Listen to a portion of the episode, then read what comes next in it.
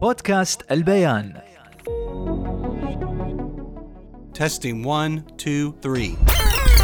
الزول في الدنيا دي ما بيعرف خطوته بتوديه وين ومهما اتجه يا هوا تطلع. سبحان الله واحد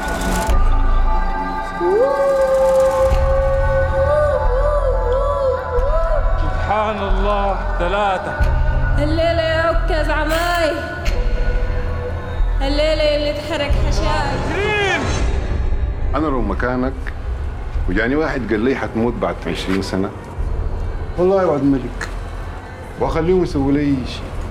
وبعد ما تم 20 سنة أطلع لهم رساله حياكم الله متابعي البيان. كلها كت اولا أحب أشكر جميع متابعي البرنامج.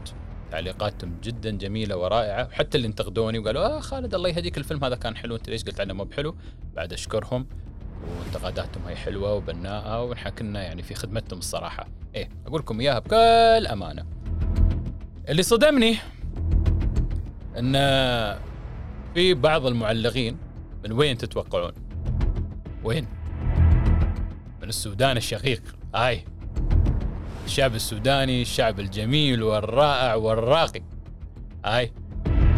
ما شاء الله عليهم يحبون الأفلام والمسلسلات. وقالوا لي طلبوا مني قالوا لي يا ولد المهيري دايرينك تتكلم عن فيلم سوداني اتعرض قبل كم سنة. والصراحه الفيلم أنا أعرفه و... وعنوانه كئيب شوية بس آه، من الأفلام القوية جدا الصراحة. ويبالها واحد يعني مخمخ عليها. واحد ذويق يفهم في الأفلام. الفيلم يا جماعة اسمه جاهزين؟ أقول اسم الفيلم قولوا بسم الله. ستموت في العشرين. يمكن حسبت غلط. يا ساتر يا ساتر استر يا ساتر. شو هالعنوان؟ لا لا لا. هو طبعا الفيلم هذا مبني على قصة النوم عند قدمي الجبل للكاتب السوداني حمور زيادة. وهو من إخراج مخرج السوداني أمجد أبو العلا شو قصة عاد ستموت في العشرين يا ساتر؟ هذا مزمل. مزمل يا جماعة. أمه ودته عند واحد من المشايخ وقالها ولدش بيموت وهو عمره 20 سنة. أف! أعوذ بالله. يا ساتر. بيموت ولده وهو عمره 20 سنة. ليش يا جماعة؟ يعني معتقدات.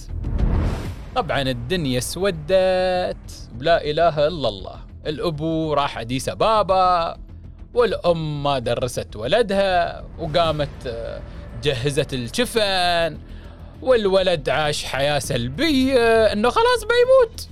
حياة كلها طاعة يا جماعة. حياته كلها طاعة لأنه قال خلاص أنا بموت. عشرين عدات حياتي عشرين. وبتوكل. لين ما تعرف على عمو سليمان؟ عمو سليمان هذا العكس. هذا عايش حياته وراعي سفر وراعي وناسة وإلى آخره. وهني نشوف قصة مزمل تتحول من هذا الشخص السلبي اللي خلاص الدنيا قافلة وياه وبيموت لشخص قام يتعلم ويتنور وقام يثقف نفسه على الرغم إنه هو يدري إنه هو بيموت وهو عمره 20 سنة مثل ما قالوا له يعني. آه أنا ما بقول لكم النهاية هل هو بيموت هل هو بيعيش؟ الله أعلم. أنا ما بقول لكم. شو اللي عجبني في الفيلم؟ الفكرة. الفكرة جدلية جدا جدا جدا. فكرة إن تخيل إنك أنت تعرف متى بتموت. في عداد طبعا الأعمار بيد الله سبحانه وتعالى. ولكن للأسف في بعض الدول عندهم معتقدات آه، يعني أنا ما أبغى أدخل في هاي الأمور بشكل عميق جدا بس فيها معتقدات انه خلاص فلان قال إن هذا بيموت يعني بيموت. فلان قال هذا بيعيش بيعيش. فلان قال هذا بيستوي غني غني. وهي أشياء يعني بيد الله سبحانه وتعالى في النهاية. وحتى لو أنت تدري إنك بتموت الفكرة إنك عيش حياتك بعد. ما بانك تكون سلبي جدا وكاره حياتك وخلاص وتجهز نفسك لا. الحياة فيها الشيء المفيد فيها الشيء اللي تقدر تستفيد منه. وبس الشيء اللي ما عجبني بعد في الفيلم انه شخصية مزمل جدا سلبية صراحة مثل ما قلت لكم. أعتقد المخرج ما وفق كثيرا في تقديم مزمل بالطريقة خلينا نقول السريالية. بس بشكل عام أنا أنصحكم بشدة أن تشوفون هذا الفيلم. اولا إخواننا السودانيين هذا ما بأول فيلم لهم عندهم أفلام كثيرة. دائما نحن في الوطن العربي ننظر إلى إخواننا في مصر آه لأنهم هم ما شاء الله هم اللي بدأوا في صناعة الأفلام. آه ولكن لازم تشوفون كل أنواع الأفلام. تشوفون أفلام سودانية تشوفون أفلام في المغرب العربي على فكرة أفلام المغرب العربي أيضا أفلام قوية جدا. نحن في الخليج أتذكر آه، بس يا بحر وشوية الإنتاج الخليجي السينمائي قام يرد على الرغم إنه في انتقادات. فلا تكفرون عماركم تقولون لا نبغي أمريكي ونبغي إنجليزي. لا لا لا لا شوفوا السوداني وشوفوا المصري وشوفوا المغاربي وشوفوا الخليجي وشوفوا كل شيء. على العموم أنا أعتقد لبيت طلب إخواننا السودانيين. هاي. وأشكرهم على أنه على اقتراحهم الجميل وعلى طلبهم الرائع ان أنا أتكلم عن فيلم ستموت في العشرين.